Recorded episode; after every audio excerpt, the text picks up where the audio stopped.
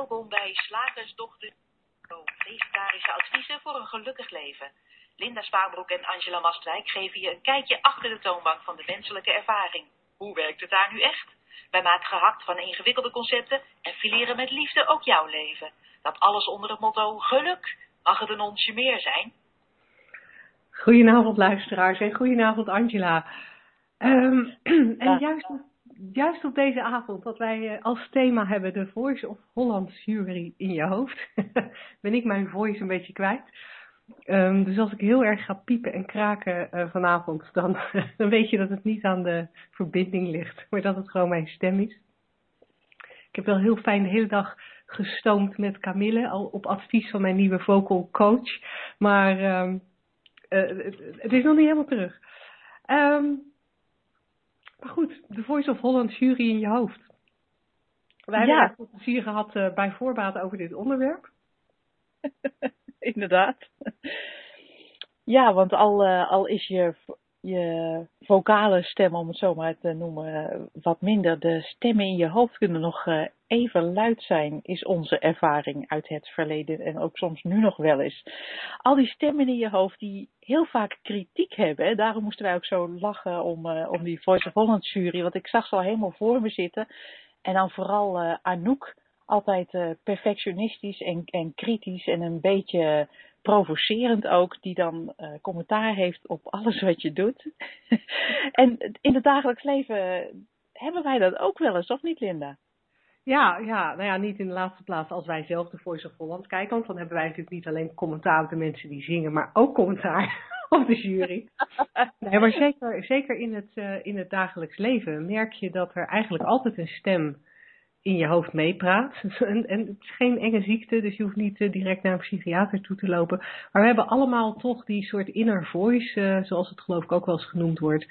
Ja, die de hele dag een soort ondertiteling aan het geven is bij alles wat je doet. En um, in veel gevallen ook uh, een commentaar levert. Ik weet nog dat ik een, nou ja, ik wou zeggen een paar weken geleden, maar inmiddels is het bijna twee maanden geleden bij jou in Portugal was. En en, en daar lekker, hè, waren we lekker aan het wandelen, prachtige kustlijn, mooie rotsen, uh, goed gezelschap. En dat ik merkte dat ik in mijn hoofd inderdaad aan het ondertitelen was.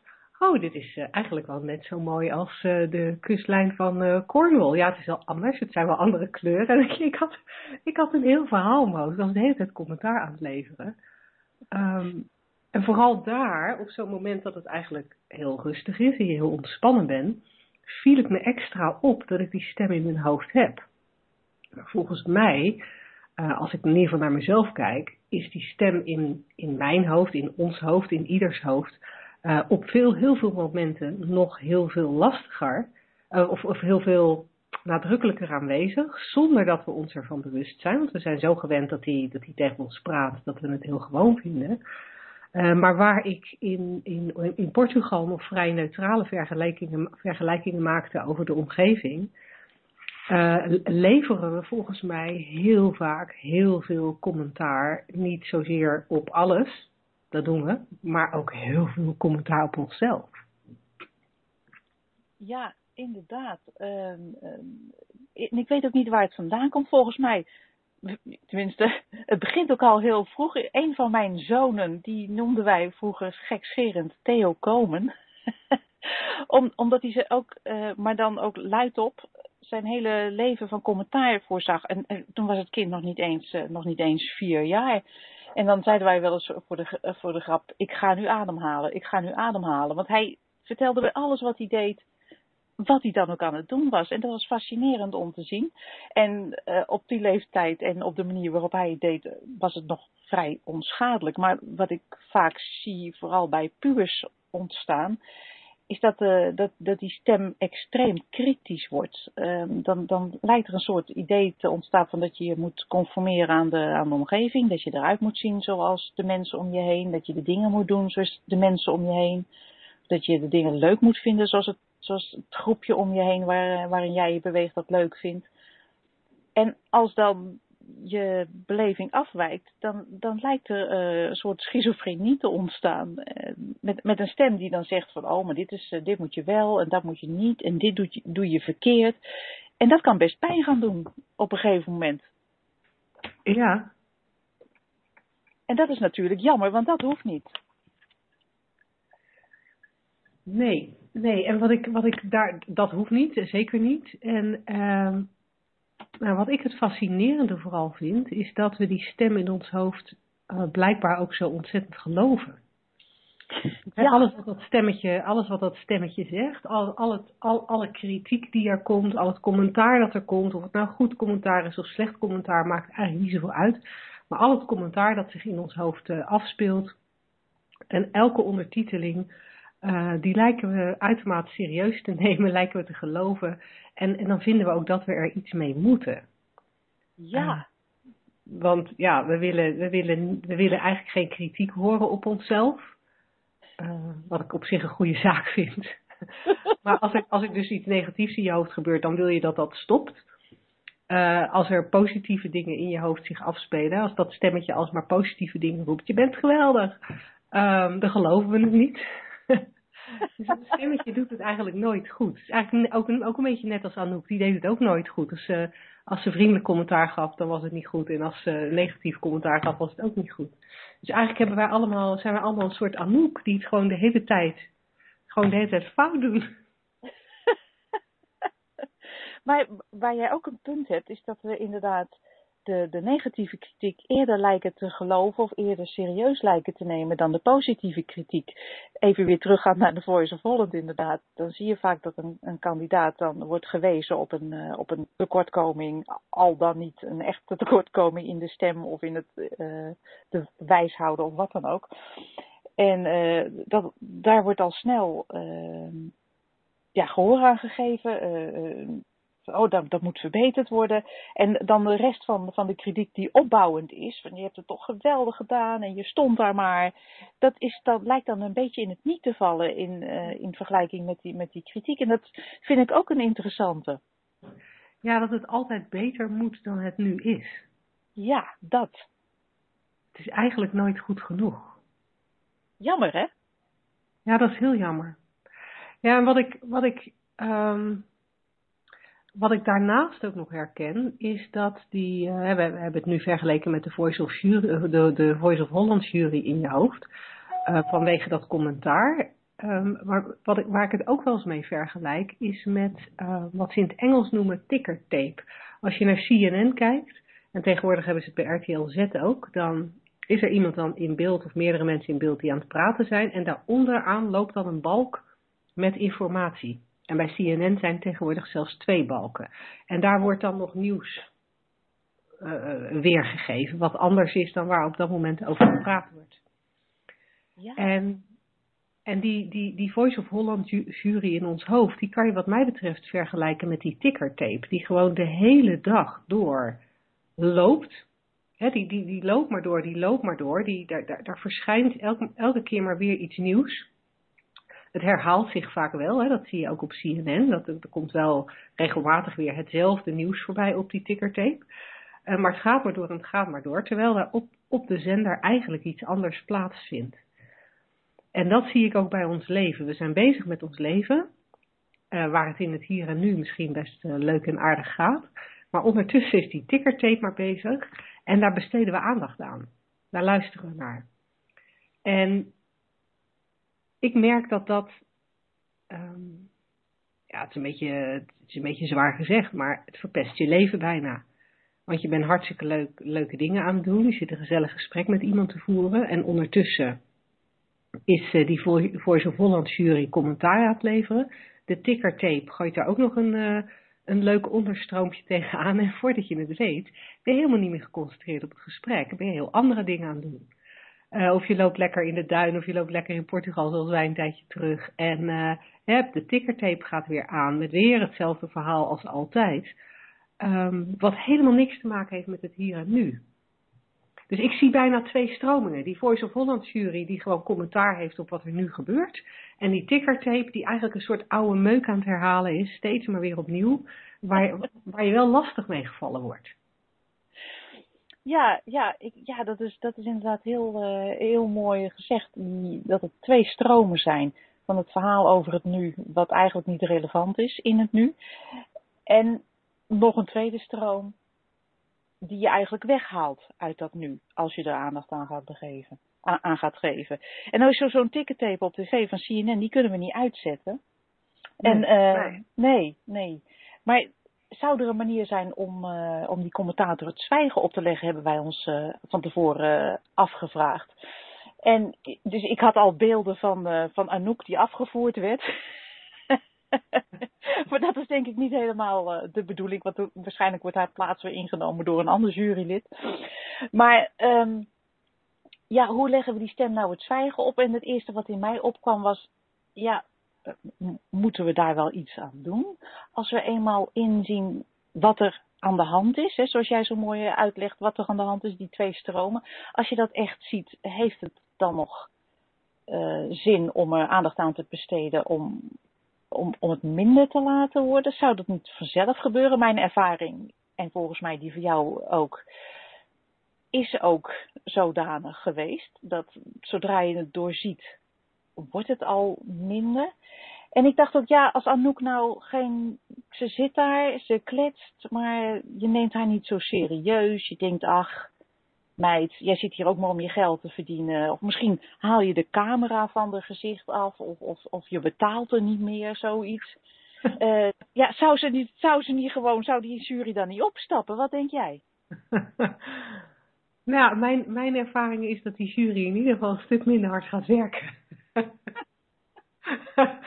Ehm nou, dat is natuurlijk ook, ehm, dat is natuurlijk ook wat Sydney Banks, hè, de, de, de, de grondlegger van de drie principes, of in ieder geval degene die ze op deze manier geformuleerd heeft. Grondlegger natuurlijk niet, want die drie principes, dat is gewoon een wetmatigheid, die is er altijd en overal. En of je erin gelooft of niet, hij werkt, hij werkt voor iedereen. Ehm, maar Sydney Banks gaf ook altijd aan dat het, ehm, het helemaal geen zin heeft om te vechten tegen, tegen je gedachten. Uh, dat het enige wat, wat je kan doen is doorzien hoe die principes werken, doorzien in, hè, op de manier waarop we er nu over praten. Ja, die stem is er, maar die stem is niks. Het zijn gedachten. Soms zijn het repeterende gedachten, um, soms zijn het een soort favoriete gedachten. Als je erg kritisch op jezelf bent, dan ja, zijn je favoriete gedachten gaan vaak over jezelf een beetje gezelen.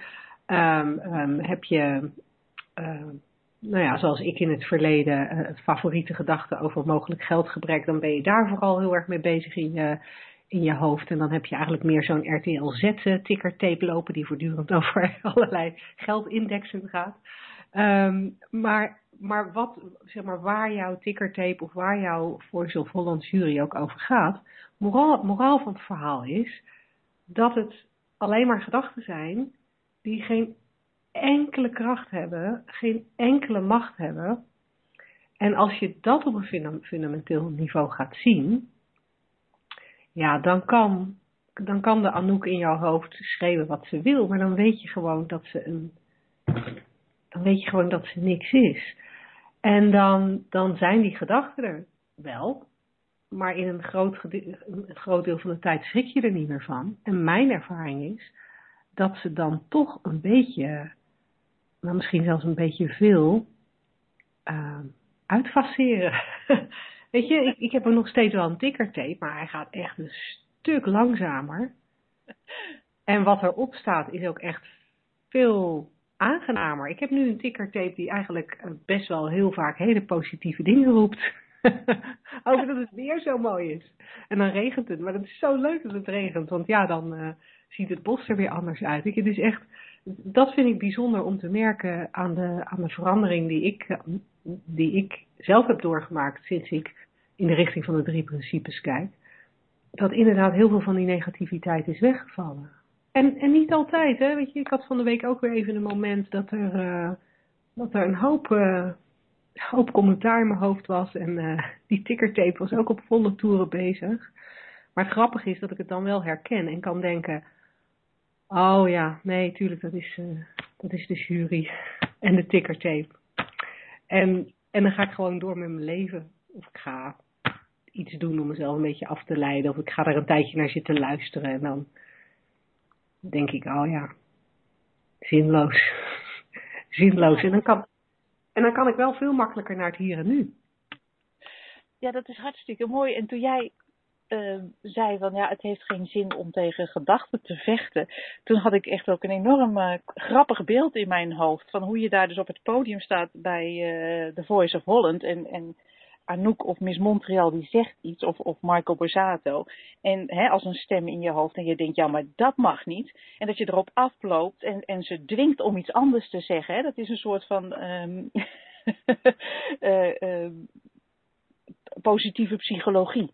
Dat je dus, dus de jury dwingt om iets anders te zeggen, met pistool op het hoofd desnoods. Nee, Anouk, ik wil dat je nu positief commentaar geeft. Ja, dat is ja, natuurlijk... ja, ja dat, uh, omdenken. Omdenken. Ja, omdenken. Dat woord zocht ik. Of dat je, of dat je zegt, uh, je mag dit dus niet zeggen, hè? En dat je gewoon op ze afloopt en ze stuk voor stuk in elkaar slaat als ze iets negatiefs te zeggen hebben. en dat beeld maakt het voor mij eigenlijk zo duidelijk dat dat vechten tegen negatieve gedachten, want daar hebben we het natuurlijk vaak over als we het over de jury hebben. Want ja, positieve gedachten heeft er verder niemand last van. dat, je, dat je die jury elke keer in elkaar slaat of. Uh... ja, en ik vind wat ik zo leuk vind aan dit beeld is dat het zo duidelijk maakt hoeveel, en, hoeveel energieverspilling het is. Want stel dat je inderdaad die vier juryleden bij de Voice of Holland allemaal in elkaar timmert. Wat kost dat niet aan kracht en aan energie om dat te doen? En, en ja, we lachen erom. Maar uiteindelijk is dat wel wat we ook de hele tijd maar met onszelf doen. oh ja, ik mag dit, uh, ik, ik mag dit niet denken. Ik moet uh, positief denken. Ik moet omdenken. Het is, uh, ik moet rustiger in mijn hoofd zijn. Ik moet dit, ik moet dat. En maar vechten, en maar vechten, en maar vechten. Man, het energieverlies. Ik slaap echt korter, vind ik. vind ik hier meer, uh, meer over weet. Meen ja. ik serieus. Meen ik serieus. Ja, die jury is nu eenmaal onderdeel van het spel van, uh, van meedoen aan, uh, aan The Voice of Holland, oftewel je leven. Ja, dan is dat blijkbaar die jury. Maar ja, je hoeft je er echt niks van aan te trekken. Zing gewoon lekker verder, denk ik. Hey, dat, lijkt me, dat lijkt me een hartstikke mooi uh, eind van dit item. Ik zou onze luisteraars graag nog, willen, uh, nog even willen attenderen op de mogelijkheid om je vragen aan ons te stellen, je dilemma's aan ons voor te leggen. Um, iets in de discussie te gooien via het Q&A-vak dat je iets lager op de pagina ziet waar je nu aan het luisteren bent. als je daar ook je telefoonnummer bij geeft, dan halen we je live in de uitzending. Maar het is voor ons ook geen enkel probleem om je vraag gewoon via het systeem binnen te krijgen en hem uh, met z'n tweetjes uh, te beantwoorden.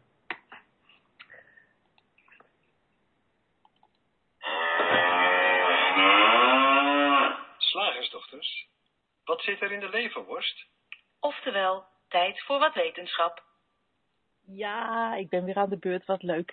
Ja, Linda, jij en ik hebben het er wel eens over dat het eigenlijk ongelooflijk is dat deze drie principes 40 jaar geleden al werden omschreven en herkend als um, de principes van de psychologie. Waarmee uh, we dus een wetmatigheid in handen hebben, waarmee eigenlijk alle problemen opgelost kunnen worden. En jij en ik zijn er dan verbaasd over waarom dit niet bekender is. Ja. En, en in die richting ben ik eens gaan zoeken van hoe, hoe, hoe komt het nou? En um, ik realiseerde mij dat dit, uh, dat het zien dat je hele leven dus van binnen naar buiten wordt gecreëerd. In plaats van naar buiten naar binnen, zoals ons altijd geleerd is, uh, een, een, hele uh, paradigmaverschuiving vereist. Hè? Het, is, het, het zet je totale wereld letterlijk op zijn kop. Als je hmm. realiseert dat je alles zelf creëert. Ja. En ik dacht, en dus ja, wat zit er dan in de mens om, uh, is, hoe komt het nou dat het zo moeilijk is om zo'n verschuiving, uh, tenminste dat het lijkt dat het moeilijk is dat zo, om zo'n verschuiving uh, te ervaren? En waar ik op stuitte in, in, in de psychologie waar ik, waar ik indook, was de term cognitieve dissonantie. En, en dat, ja, dat vertelt ons een hoop. Wat is nou cognitieve dissonantie? Dat is een psychologische term uh, voor een onaangename spanning die in de mens ontstaat als die kennis neemt van feiten of opvattingen die strijdig zijn met zijn eigen overtuiging of mening. Of bij gedrag dat strijdig is met de eigen overtuiging en waarden en normen. Dus, dus de hele westerse wereld is er zo'n beetje van overtuigd. Uh, het wereld, de wereld werkt van buiten naar binnen. Mijn baan is stressvol. Uh, mijn kinderen irriteren mij. Uh, weet ik veel, iets vermoeit mij. en eh, wij zeggen het is, is andersom. Dat is dus in strijd met wat algemeen aanvaard is aan opvatting. En dan komt dus die term cognitieve dissonantie. Nou, waar, wie heeft dat nou ontdekt en waar kwam dat vandaan? Ehm, dat was een meneer Leon Vestingen, dat was een Amerikaanse sociaal psycholoog. En halverwege de jaren 50 kwam hij op het spoor hiervan, op het spoor van deze theorie. Dus, dus, dus er zit iets, het leven blijkt anders in elkaar te zitten dan jij uh, overtuigd bent. En nou ja, dan, wat ga je dan doen, zegt hij. Dan ga je gewoon die twee cognities, dus de buitenwereld en je, en je binnenwereld, uh, ga, je, ga je aanpassen. Nou ja, aangezien je een buitenwereld niet zo makkelijk aanpast, dan ga jij je binnenwereld daarom aanpassen om het weer met elkaar in overeenstemming te krijgen. En uh, hoe ontdekte hij dat nou? Nou, hij, heeft een, uh, hij had theorie in zijn hoofd en dat moest hij dan nog in de praktijk gaan bewijzen. En daar kreeg hij een prachtige gelegenheid voor. In 1956, want toen, nam die, toen las hij namelijk een artikel in een lokale krant met de kop Profeet van de planeet Clarion zegt tegen stad ontvlucht de vloed. Oeh, dat klinkt heel spannend. Er was dus een huisvrouw uit Chicago en die had boodschappen ontvangen in haar huis. Het is allemaal heel mysterieus. En uh, die boodschappen die onthulden dat de wereld zou ten onder gaan uh, op 21 december, voor de zonsopkomst. En zij, zij droeg deze boodschap uit en er ontstond een groep gelovigen, die dus heiligen van overtuigd waren, dit gaat gebeuren. Nou, die meneer Vestingen, dus die psycholoog, die dacht dat is een interessante case, want zij verwachten niet dat, het, dat, het, uh, dat die profetie zou uitkomen. En gingen zij, dus, zij gingen dus kijken, wat doet dat met de groep, hè, die zo ervan overtuigd is van iets en het komt niet uit. Wat gebeurt er dan? Ja. maar is, hoe moeilijk is het dan om die ideeën waarmee alles begonnen is ontstand, in stand te houden? Um, want die groep was zo diep in het geloof betrokken dat ze, dat, dat ze daar aanzienlijke moeite voor zouden doen ook. om het, om het, uh, en het verschil tussen waargenomen feiten en hun geloof zou een hele onaangename innerlijke toestand bij hen teweeg brengen, was de theorie. Ja. Dus, dus de cognitieve dissonantie. Nou, wat gebeurde er? Voor 20 december vermeed die groep elke publiciteit. Ze gaven een paar interviews, maar heel weinig. En uh, direct contact met, die, met de mevrouw uh, die, die, die, die de voorspelling had gedaan aan de hand van die berichten. Die, uh, die heeft met niemand contact, alleen met de groep van mensen, met mensen die, die, die erin geloven. En uh, het hele systeem wat zij ontwikkel, ontwikkelen is dus uh, gevoed door die berichten van de planeet Clarion. En daar staan alle details in van de vloedgolf en de reden. En, en, en ook de manier waarop zij als groepen die hierin geloven zullen worden gered. Nou, 20 december breekt aan. En, en de groep verwacht dus dat er een buitenaardse bezoeker komt.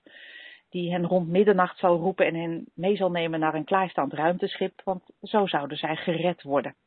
Ze mochten geen metalen voorwerpen meer dragen, dus zij zitten daar. En op een gegeven moment is het uh, vijf over twaalf en er gebeurt niets. Nou, wij, zouden zeggen, dan denk je, oh, oké, wat nu? Maar die groep was zo van overtuigd dat het zou gebeuren, dat, dat er iemand in die groep zei, nou ja, ik heb hier een klok en die zegt dat het nog geen twaalf uur is, dus niks aan de hand. Dus dat was al, was al een kleine aanwijzing van, hé, hey, er gebeurt niets waar ik heel erg heilig in geloof, nou, dan, dan verzin ik even om dat bij elkaar te brengen. Ja. Aapje, het is, het is nog geen twaalf uur. En de hele groep zegt dan, wij zijn het erover eens, het is nog geen twaalf uur. ja, ja. Uh, dit is, ik vind het een heel prachtig voorbeeld, omdat wij, wij uh, de, nou, ik wil niet zeggen belachelijkheid, want deze mensen geloven erin. Dus, dus ja, ik, ik, ik snap het hoe ze denken. Maar uh, dit ligt zo buiten onze belevingswereld dat het hierin heel makkelijk te herkennen is wat we allemaal eigenlijk op, op, op normaal doen. Ja. Ja, ja. Nou, om tien over twaalf uh, geeft de tweede klok toch echt aan ook dat het middernacht is en geen bezoeker. En die groep is stom verbaasd. Ze zitten helemaal stil tot vier uur s ochtends.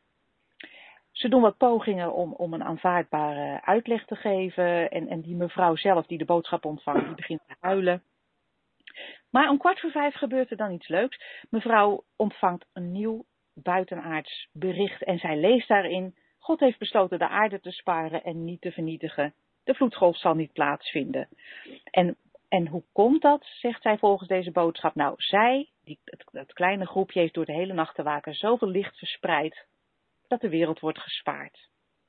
En de volgende dag uh, worden kranten gebeld en de groep wil interviews geven. Dus dat staat in groot contrast op de eerdere schuwheid. Maar nu beginnen ze met een actieve campagne om een boodschap over de wereld te verspreiden.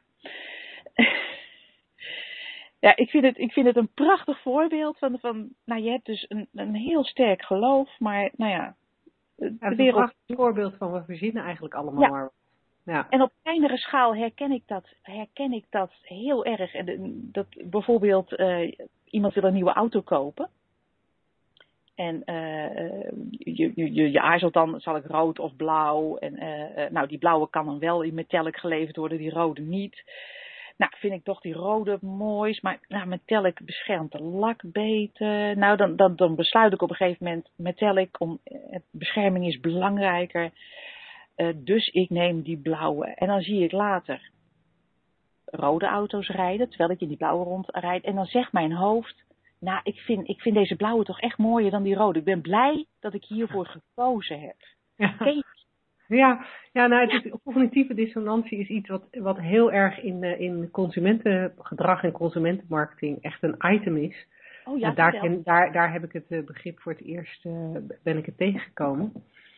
En, uh, en ik herken dat ook. Weet je, ik zit uh, uh, nu vanaf mijn keukentafel naar een vaatwasser te kijken. Wat echt een waardeloze rotvaatwasser is. Sorry dat ik het zo grof zeg. Om, om in te richten. Er valt gewoon, valt gewoon, dat, dat ding valt gewoon niet in te richten. Maar ja, ik heb hem wel. en dan merk je ook dat er van alles in je hoofd gebeurt. Nou ben ik met deze vaatwasser wel vrij kritisch. Maar ja, het is wel weer makkelijk dat hij uh, een of andere knop heeft waardoor ik hem van tevoren kan instellen. Dat is dan wel weer makkelijk. En ja, het was natuurlijk wel zo dat ik hem goedkoper bij deze keuken kreeg dan wanneer ik een andere had genomen. Dus weet je, dat, ik, ik verzin ook van alles om toch maar een beetje goed te praten. Dat ik gewoon een verkeerde keuze heb gemaakt. Ja, en... Sterker nog, ik heb geen keuze gemaakt. Ik heb me gewoon iets laten verkopen zonder naar, daar te kijken. Dat is natuurlijk nog erger. Ja, de Voice of Holland jury in mijn hoofd vindt dat nog erger. Ja, ja nagaan. Ja, ja, ja, Anouk vindt, ik baalt hier vreselijk van. maar het is mooi dat het plaatsvindt. En, en als je dit eenmaal weet, herken je het ook. Dat je hoofd gewoon allerlei verhaaltjes verzint, allerlei gedachten gaat geloven. Van, oh, ik ben nu uh, moe.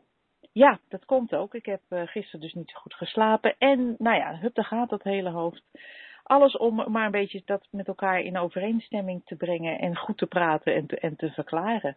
Ja, mijn, uh, ja ik, ik, vind het, ik vind het dit een heel herkenbare. En, uh, en ik vind het ook een verklaring waarom het zo moeilijk is om, om eigenlijk je hele wereld op zijn kop te zetten door je te realiseren ik creëer het van binnen naar buiten. Mijn bewustzijn laat mij zien uh, wat ik geloof. En ja. niets anders, zonder verhaal. Ja, en in, in, de, uh, in de geschiedenis zijn er natuurlijk wel vaker voorbeelden geweest van, van paradigma shifts die heel veel tijd hebben gekost um, voordat die ingevoerd waren.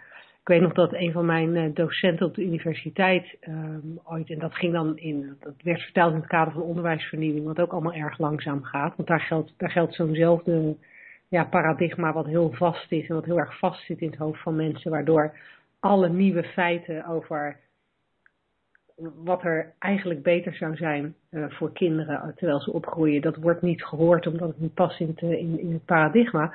En zij verklaarde toen, of zij, zij legde toen uit dat um, uh, destijds toen men overging van zeilschepen naar stoomschepen. Dat heeft geloof ik ook honderd jaar geduurd voordat die overgang een beetje gemaakt werd. Omdat daar in eerste instantie ook heel erg werd vastgehouden aan zeilschepen. Omdat die beter waren en nou ja, omdat men daaraan gewend was. En, uh, en zij gaf dat toen als een, uh, ja, als een verklaring waarom paradigma shifts heel, heel moeilijk zijn. Um, wat ik wel fascinerend vind, is dat wat zou dan maken, maar dan zit ik even een beetje te filosoferen, wat zou dan maken dat sommige mensen, zoals jij en ik, en natuurlijk heel veel mensen die wij kennen die, die, die, die bezig zijn met die drie principes, wel op een gegeven moment er iets in zien en denken, oh ja, dat klopt eigenlijk wel. Wat zou dan maken dat je toch, uh, dat, je, dat er toch een beetje scheurtjes in je cognitieve dissonantie komen? Wat volgens mij niet, uh, geen normaal Nederlands is, maar je snapt wat ik bedoel. Ja, ik snap wat je bedoelt. En wat je vaak ziet, tenminste wat ik vaak zie, moet ik het zo zeggen, is dat dat vaak voortkomt uit een enorme pijn. Dus niet zo'n leuke reden. Dat je echt dat realiseert dat niets meer werkt, of op een bepaald vlak in je leven dat het echt niet meer werkt, dat je geen uitweg meer ziet, dat je een soort, dat is mijn ervaring hoor, bereidheid krijgt. En dat is het enige wat je eigenlijk nodig hebt. Een soort bereidheid om niet langer te geloven wat je altijd geloofd hebt. En dat kan natuurlijk voortkomen uit, uit ja, toevallig, oh, wauw, kijk hier is dat is gaaf. Maar als ik kijk om, om me heen naar de mensen die, met wie ik dit deel en, en hoe het bij mij is gegaan, dan denk ik, het komt vaker voor, voort uit pijn. Als niets meer werkt. Dan, ben je, dan, dan komt er een soort openheid van nou, laat me dan maar iets anders zien, ik weet niet wat. Ja, ja ik denk eigenlijk dat je daar wel gelijk in hebt. Ja. Maar dat is natuurlijk heel jammer dat, het, dat, je, dat, je, uh, dat je het zover laat komen. He, dat er niet eerder een bereidheid is, gewoon in plaats van uit, uit pijn, uit liefde voor jezelf, een bereidheid is om uh, is, is verder te kijken dan, dan wat je gelooft. En in ieder geval te weten dat ja, al je overtuigingen niet, niet, uh, niet kloppen, dat je bereid ja, bent. Vooral, om, vooral, ook omdat, vooral ook omdat er eigenlijk zoveel bewijzen zijn voor het feit dat we zo ontzettend veel uh, bedenken. En waar ik de, de, mij, mijzelf de laatste tijd op betrap, omdat ik er waarschijnlijk erg alert op ben op het moment, dat ik, dat ik ook echt, ik kan de ene dag iets denken en ergens van overtuigd zijn. En het volgende, en van het een op het andere moment denk ik 180 graden tegenovergestelde. En dat klinkt nu misschien een beetje schizofreen. Het gaat gelukkig niet over dingen waardoor ik uh, de ene dag uh, mijn haar zwart geverfd heb en de andere dag gewoon uh, grijs ben. Het zijn niet die hele opvallende dingen voor de buitenwereld, maar in mijzelf merk ik het wel heel erg. Dat ik de ene dag ineens bang ben voor iets en de volgende dag denk, oh ja, nee, die gedachte, ja, ik, ik weet nog wel wat ik dacht, maar daar hoef je toch niet bang voor te zijn. Dat is toch een beetje onzingedachte. En dat vind ik echt, dat vind ik echt fascinerend om te merken. Dat je. En, en volgens mij heeft iedereen dat. dat je, ik, ja. ik, ik zie dat aan iedereen om me heen. Van het ene moment denk je dat je een loser bent. En het de volgende moment vind je jezelf eigenlijk best een toffe peer. En het ene moment ben je super verdrietig. En het volgende moment ben je ineens helemaal happy de peppy. En er is eigenlijk niet echt essentieel iets veranderd. En dan gaan we lopen zoeken. Dat vind ik ook een leuke vorm van cognitieve dissonantie. Dan gaan we lopen zoeken in de buitenwereld. Hoe het dan komt dat we van gedachten veranderd zijn. En dan gaan we daar een soort bewijs zoeken. Ja. Oh ja, nee, maar de zon is nu gaan schijnen. Nee, daarom ben ik, daarom, daarom voel ik me nu beter. Of, uh, oh ja, mijn vrouw uh, wilde gisteravond weer niet met me vrijen. Nee, daarom voel ik me nu waardeloos. Um, maar in feite, in feite zijn het gewoon je eigen gedachten die, die, die een beetje alle kanten ophuppelen. Ja, het is, uh, ik vind dat een mooie vergelijking als ik hier langs de zee loop. Er is wel eens eb en er is wel eens vloed. ja. En dat, ja, daar heb ik verder geen invloed op. Ik weet niet wat dat wel doet, maar er is eb en er is vloed. En het heeft geen enkele zin om, uh, om daar. Uh, je kan er natuurlijk tussen er waarschijnlijk ontzettend veel uh, theorieën over zijn. Aantrekking van de maan, ik weet het niet. Maar het is op zich niet zo, niet zo interessant. Er is eb en er is vloed. En het heeft geen zin om tegen de app te vechten of, of, te, of, alleen, maar, of alleen maar app juist te willen. Het ja. komt en het gaat. Ja, en zoals in jouw geval, soms laat je je wel eens overvallen uh, Ja. door het water. En ben je je telefoon kwijt. Maar, nee, maar dat, maar dat vind ik, dat, dat vind ik, wel- ik vind dat wel een interessant punt hoor. Want, want zo, zo werkt het uiteindelijk in het leven wel. Weet je, je die, die, die, die gedachten die springen alle kanten op. ehm, eh, ze wisselen eigenlijk heel sterk. En als we er alert op zouden, zouden durven zijn, zouden we kunnen zien dat die gedachten maar wat doen. En dat we die dus niet zo serieus hoeven te nemen. Helemaal niet serieus hoeven te nemen. Dat het maar gedachten zijn en verder niks. En ehm, wat zou ik nou zeggen? Dan ben ik van mijn padje af.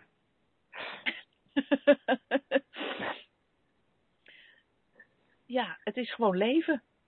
Ja, nee, het is gewoon leven. Maar ik had er, ik had er, ik had er nog even een heel mooi punt Je bij. een hele mooie nuancering. Ik had een hele mooie nuancering en die ging iets, ik denk dat die iets ging eh, eh, along the lines dat, eh, ehm, dat, als je het, dat als je het ziet dat het zo werkt, dat het je gedachten zijn, dan, dan, dan hoef je ook alweer minder werk te doen om, om het bij de buitenwereld te leggen, om verklaringen te zoeken in de buitenwereld, waarom, het nu, waarom je je nu ineens anders voelt dan daarnet.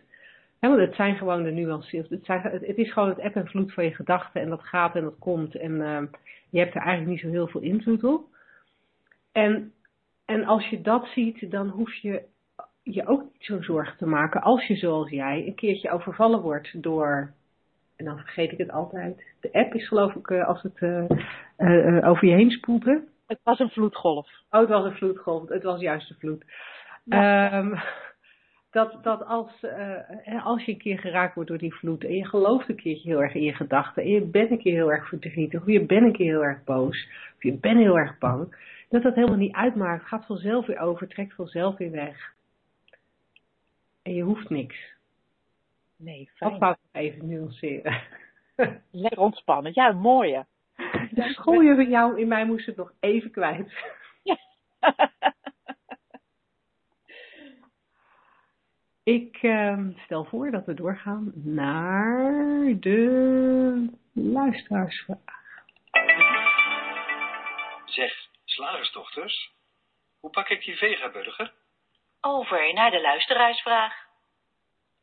Ja, helaas heb ik op eh, ons mailadres welkom@deslagersdochters.nl geen vraag mogen verwelkomen, maar misschien dat jij in jouw systeem in het Q&A vakje al wel iets getypt hebt gekregen. Nee, helemaal niet. Nou, dat is nou jammer. Dus dan moeten we even een vraag uit de oude doos halen. We hebben Ja. vast een vraag uit de oude doos. Past wel. Ehm.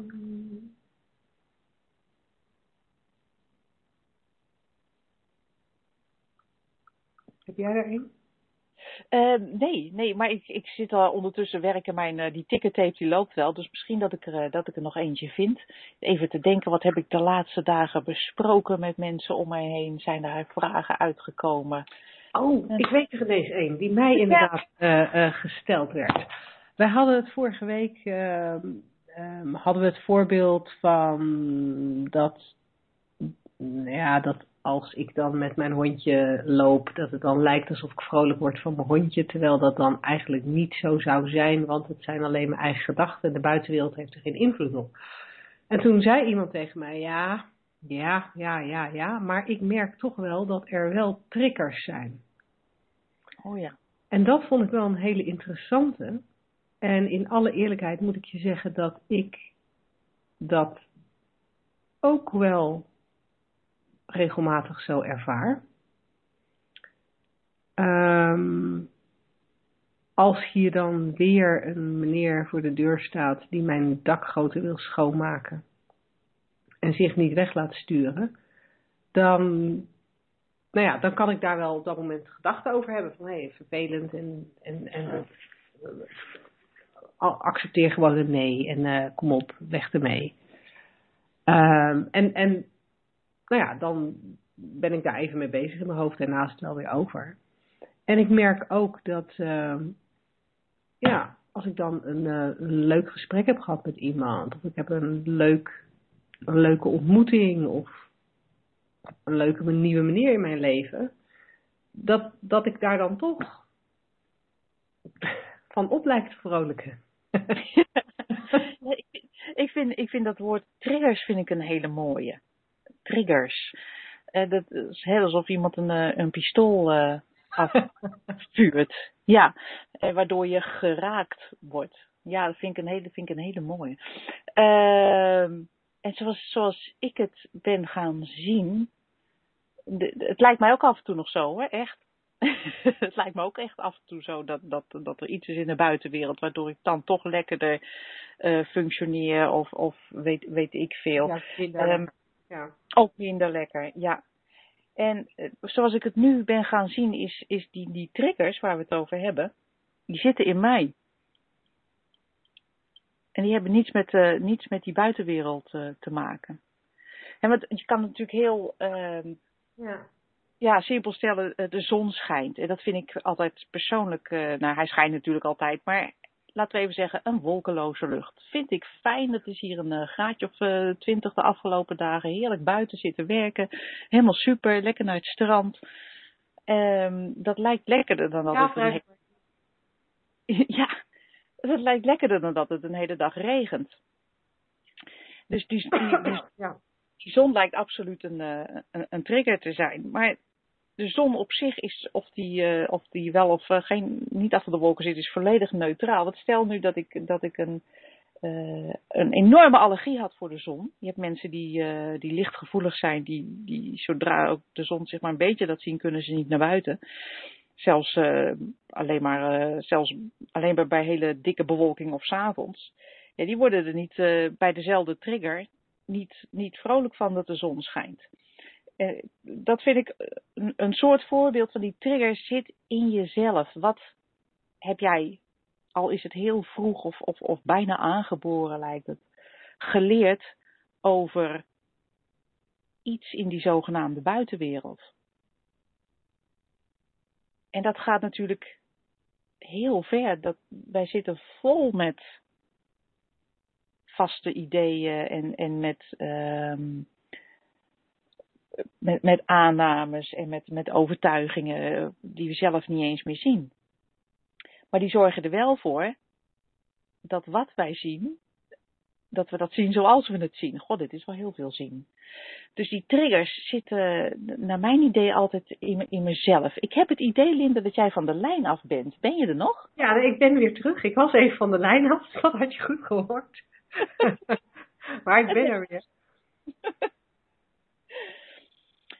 Ja, dus, dus de, de trigger zit, zit van binnen en is een geloofde gedachte. En dat is zoals ik het nu Ja. zie, terwijl het nog steeds andersom vaak lijkt hoor. Ja, Dan je doet Ja. dus ochtends die, die gordijntjes open, jee, de zon schijnt. ja. Nou, weet, weet je, weet je en ik, ik, ik weet niet of ik nu een beetje ga herhalen wat jij net hebt gezegd. Maar hopelijk is het dan voor de luisteraars nog steeds interessant, omdat ik er net iets andere nuance aanbreng. Ehm, ik, heb er, ik heb er nooit op deze manier naar gekeken, dus ik vind het heel boeiend dat je het zo zegt. En ik denk dat het. ehm, ik, ik, ik zie ook wel, in ieder geval bij mezelf, dat het, ehm, dat het klopt dat ik. Want ik word getriggerd door andere dingen. eh, ik lijk getriggerd te worden dan, door andere dingen dan, eh, dan andere mensen. Weet je, als ik in, in de auto op de snelweg zit en ik word gesneden, dan levert dat bij mij altijd de reactie op. eh eh, oh, die zal wel haast hebben. Ik denk altijd dat zo iemand dan op weg is naar zijn zwangere vrouw. Die ligt te bevallen in het ziekenhuis. Het is een soort standaard, standaard gedachte van mij. Terwijl ik, eh, ehm, eh, toen ik nog getrouwd was, mijn, mijn ex-echtgenoot altijd razend en tierend in de auto zat als dat gebeurde. Want die, had daar, die, die, die reageerde daar op een totaal andere manier op. Dus hij had een ander, hij had een ander ehm, bij hem gebeurde er intern iets anders. En werd, er, werd er iets anders geraakt. En waar ik het snijden van een auto ook heel vaak niet eens opmerk. Omdat het gewoon, ja, omdat, omdat ik niks in mij heb waar, dat, eh, waar ik op reageer. eh, merkt hij het op, eh, zelfs als iemand die je snijdt met, met nog minstens 10 meter tussen de twee auto's.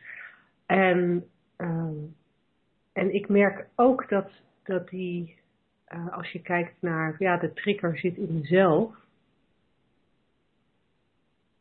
Dat zie je dan ook wel een beetje terug bij het feit dat je altijd lijkt te reageren op een bepaald type. ehm, je lijkt te reageren op een bepaald type trigger. En ehm, en als je zegt, ja, maar die trigger zit in jezelf, dan, dan, dan is het eigenlijk veel logischer. Dan is het Ja. veel logischer dat jij op een bepaald soort dingen reageert. Dat jij de zon, dat jij blij wordt van de zon en dat het mij niet uitmaakt. Of dat Ja. eh, iemand eh, eh, heel erg reageert op eh weer gekookte aardappelen op tafel en een ander daar helemaal niks bij, bij heeft.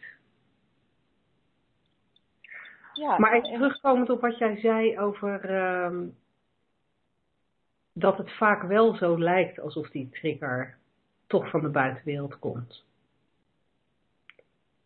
Moeten we daar dan iets mee? Moeten we dan per se gaan herkennen dat die trigger toch echt buiten onszelf ligt? nou, weet je, dat niet binnen onszelf ligt? ik, ik, ik denk altijd, als het pijn gaat doen, dan, eh, dan is het handig om het te doorzien. Maar verder vind ik het een beetje een soort doodslaan van je, van, van, je, van je ervaring als mens. Als je bij alles denkt, oh de zon schijnt, maar dat heeft geen invloed op mij. Of, weet je, weet je dat, dat mag natuurlijk hoor. Of, of ik word helemaal eh, de huid vol gescho- gescholden, maar dat doet mij niets. Ja. Eh, weet je, als het pijn gaat doen, dan is het, vind ik, handig om te weten: hé, hey, dit is een trigger in mij. Misschien eh, kan ik hem doorzien, of eh, weet ik veel. Maar ik vind er, er is niets tegen om, om, eh, om gewoon te voelen. Ja, en dat maakt natuurlijk de menselijke ervaring ook wel leuk. Hè? Want het zijn natuurlijk, het, het zijn natuurlijk de emoties die we hebben en de ervaringen die we hebben en het genieten dat we doen. En, en soms het contrast met het niet genieten, wat ook maakt dat je, ja, dat je mens bent en dat je die menselijke ervaring hebt. Ja, ja, want inderdaad, als er geen contrast is, dan, dan, dan is er ook geen ervaring. Eh, licht bestaat bij de gratie van donker en andersom. Ja. Ik vind het alleen gewoon heel nuttig en heel handig om te weten dat, dat, eh, ja, dat niets in de buitenwereld mij iets kan doen voelen. En, eh, en, en dat wetende, ja, wordt het toch allemaal eh, leuker, speelser, lichter en makkelijker, denk ik. Weet ik. Ja, ja. Nou ja, dat hebben wij natuurlijk allebei, eh, dat hebben wij allebei ervaren en dat zien we ook Ja. bij veel andere mensen. Eh, en dat, dat is ook wel eh, heel erg fijn, want dan, ja, nou ja, het, het, ja, het is makkelijker als het moeiteloos wordt. Fijn, ja. Zullen wij het hierbij laten voor onze vraag van weliswaar Ja. een luisteraar, maar die niet officieel ingediend was? Oké.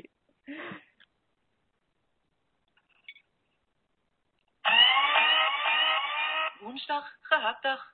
Zeg slagersdochters, welk concept gaat er vandaag door de molen? Oh, dat is een eh, leuke, ja. Eh, het concept dat wij hadden bedacht van tevoren is, is, is, een, eh, is een uitspraak. Diepgang maakt het leven waardevoller. En op het eerste gezicht vind ik het, eh, vind ik het best een. eh, dat je denkt, nou, leuke uitspraak, ja, waarom niet? ma- ma- mag ik eerst eventjes eh, Ja. een soort overeenstemming eh, met jou bereiken over wat wij verstaan onder diepgang? Ja, laten we dat eerst doen. Want eh, ik heb een vriend die een zeilboot heeft, die heeft het over diepgang volgens mij meestal over zijn zeilboot. Ja, ik denk dat in ons concept diepgang, zoals ik het zie, het idee is dat je eh, allerlei dingen moet bepraten, om, om ehm, eh, allerlei verschillende kanten ervan moet bekijken en ook een, eh, allerlei lagen door moet werken. Zoiets. Ben ik dan helder of hoe zie jij het? Ehm, ja, ik, ik denk dat ik, dat ik wel een beetje voel wat je bedoelt. Het diepgang heeft inderdaad wel iets te maken met, met, eh, met graven. Ja, vandaar dat diepen natuurlijk. Ja, ja dus het Het heeft iets te maken met graven. En, eh, en ik heb het idee dat het ook toch wel vaak te maken heeft met. eh, ja, nee, ik, ik, ik heb het idee dat, dat diepgang op zich al een, een interessant fenomeen is, omdat je daar heel verschillende gedachten over kan hebben. Ik ben, ik ben Zet op zelf, op zich. ik ben ehm, van de week was ik, van het weekend was ik uitgenodigd voor de opening van een kunstexpositie in Rotterdam. En ehm, dat was allemaal tamelijk diep. Het begon al met een uh, speech van degene die de tentoonstelling had samengesteld over hoe belangrijk dit werk was en hoe bijzonder. En, um, en het was dan, uh, het was dan uh, kunst die niet door kunstenaars gemaakt was, maar het was wel heel bijzonder en er zat heel veel persoonlijkheid van de artiesten in. En nou, vervolgens gingen we naar die tentoonstelling kijken. En ik was gefascineerd door de beschrijvingen die er bij die kunst stonden. Want in, in mijn beleving was het, was het heel veel knutselwerk van mensen. Maar er was dan een beschrijving bij gegeven. In zulke moeilijke en poëtische woorden. Dat het, dat het diepgang kreeg door de beschrijving. Ik heb enorm veel porno gezien. Maar omdat het in een, in een, in een museum hing, was het geen porno, maar was het kunst. Um, kinderporno ook. Het was, het, was, het, het was in mijn ogen echt, ik vond het fascinerend. Maar ik merkte vervolgens ook dat waar ik daar echt rondliep van, nou ja, nou ja, nou ja, wat heb ik nu aan mijn fiets hangen? Hoe, hoe, hoe, hoe, kan, hoe kan je dit zo serieus nemen? Leuk hoor, dat die mensen dit maken, maar waarom moet het zo serieus genomen worden? Dat ik vervolgens um, uh, in het restaurant kwam waar dan nog een borrel was. En, uh, en waar ik inderdaad uh, mensen tegen elkaar hoorde, hoorde zeggen van... Nou, nou kerel, was het, niet, was het niet echt heel leuk gedaan en toch echt heel speciaal? En dat ik dacht, jongen, jongen, jongen, we zitten hier met z'n allen wel een hoop, een hoop diepgang te creëren. We zitten een hoop, hoop circus of, of... Er zit een heel verhaal te creëren over hoe belangrijk dit is... Um, terwijl het maar net is hoe je er naar kijkt. En ik vraag me af of dat niet heel erg um, typerend is voor diepgang. Dat diepgang vooral diepgang is als je daar heel veel belang aan hecht of zo. Ja. Snap je wat ik bedoel?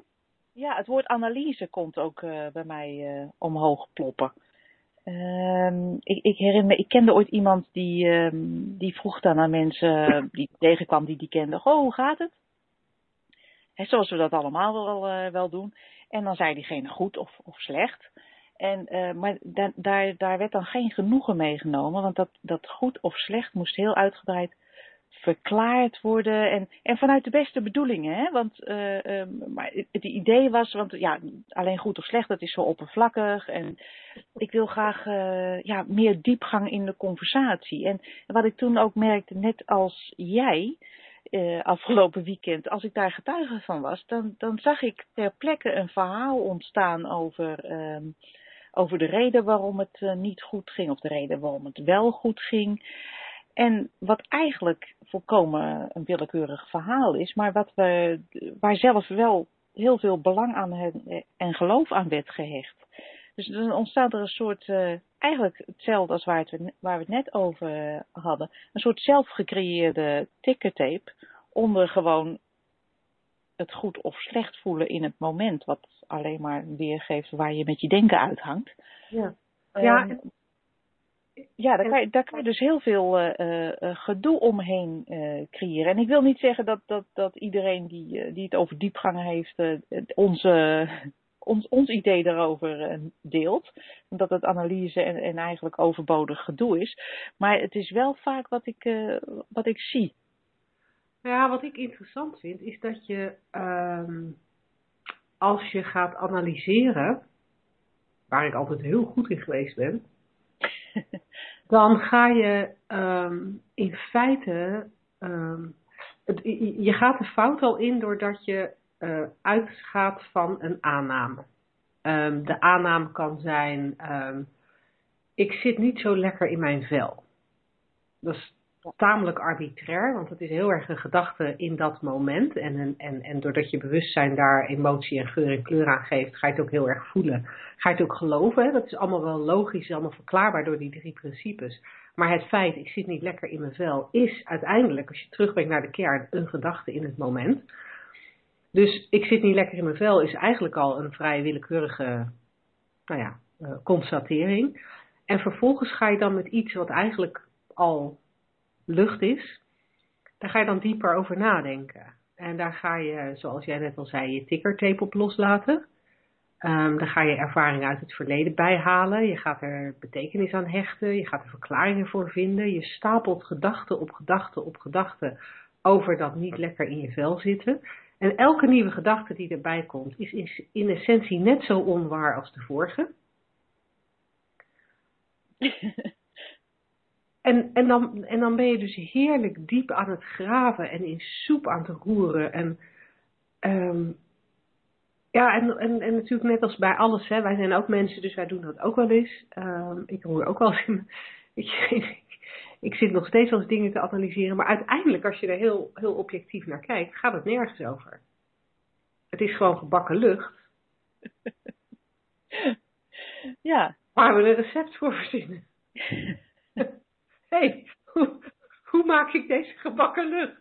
Ja, nou neem, uh, neem wat neem diepgang. Niks. Snutje diepgang. ja, dat, ik vind dat, er ontstaat hier een, een, een heel leuk beeld inderdaad van, uh, van luchtbakken met allerlei mooie ingrediënten. ja. Ja, ja.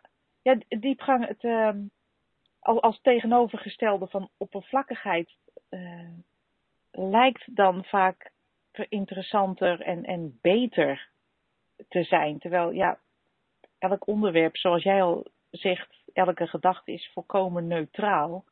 En alles wat we eroverheen gooien, ja, we, we verzinnen het eigenlijk ja, zelf. Ja, ja en, en, en wat ik dan bij diepgang ook weer extra fascinerend vind, diepgang gaat over het algemeen uh, in mijn beleving over, uh, toch over het, het, het, zoeken naar de oorzaak van het, uh, van het kwaad, zeg maar. Het, het, zoeken naar de oorzaak van waarom je je vervelend voelt. Of de, het zoeken naar de oorzaak van waarom het mis is gegaan in je leven. Ik, ik...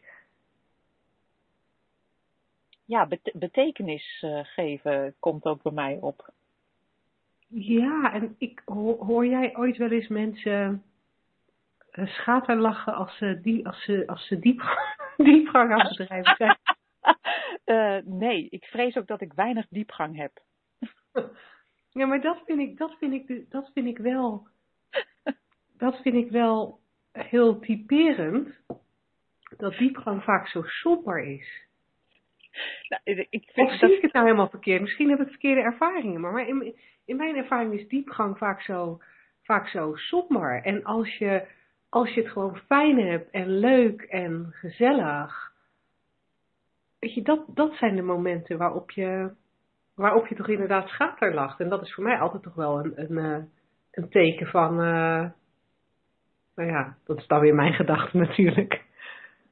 Nee, ik vind het wel een, een hele, leuke, hele leuke richting waar je in denkt. Dat diepgang klinkt inderdaad, dat die idee heb ik ook heel zwaar. En ja, ik, ja, persoonlijk denk ik, licht leven mag ook. Het hoeft allemaal niet zo, uh, niet, niet zo moeilijk. En dat wil niet zeggen dat het allemaal uh, oppervlakkig is. Maar het is gewoon uh, diep vreugdevol, zoiets. Ja, ja. Ja, want ik zit, me, ik zit me dan af te vragen, hè, van, want wat wij hier nu doen, ja, zou je dat ook diep gaan kunnen noemen? Ja, wat je wil, denk ik. Zou ja. kunnen. Want het is natuurlijk, we kijken wel naar, naar, naar de menselijke ervaring en, en op een andere manier dan men over het algemeen gewend is. En we hebben het over liefde en geluk. Klinkt ook best diep, maar, maar op, een, op, een, op een, wat mij betreft, en als ik jou hoor, ook wat jou betreft, op een, op een lichte manier. Ja, dus eigenlijk zeggen, eigenlijk zeggen wij dan van, wacht even hoor, ik pak hem er even bij, want we, het concept dat wij wilden vermalen was, diepgang maakt het leven waardevol. Ja. En eigenlijk denk ik dat verbinding het leven waardevol maakt dat het te verbinden. Want ik zat even te denken hè, van ja, maar als, zijn wij nou met diepgang bezig? Of wat is er dan wat er speelt tussen ons, waardoor wij het fijn vinden om dit soort gesprekken met elkaar te hebben? Maar volgens mij is het de verbinding die het leven waardevol maakt. En dat hoeft niet zwaar en diep te zijn. Dat is mijn dat-. Ja, ik vind het heel mooi gezegd. Ik vind het een prachtige afsluiter. Oké, dan houden we het hierbij. Dan wil ik jou eh, graag bedanken voor weer een fijn gesprek. En onze luisteraars graag bedanken voor het luisteren.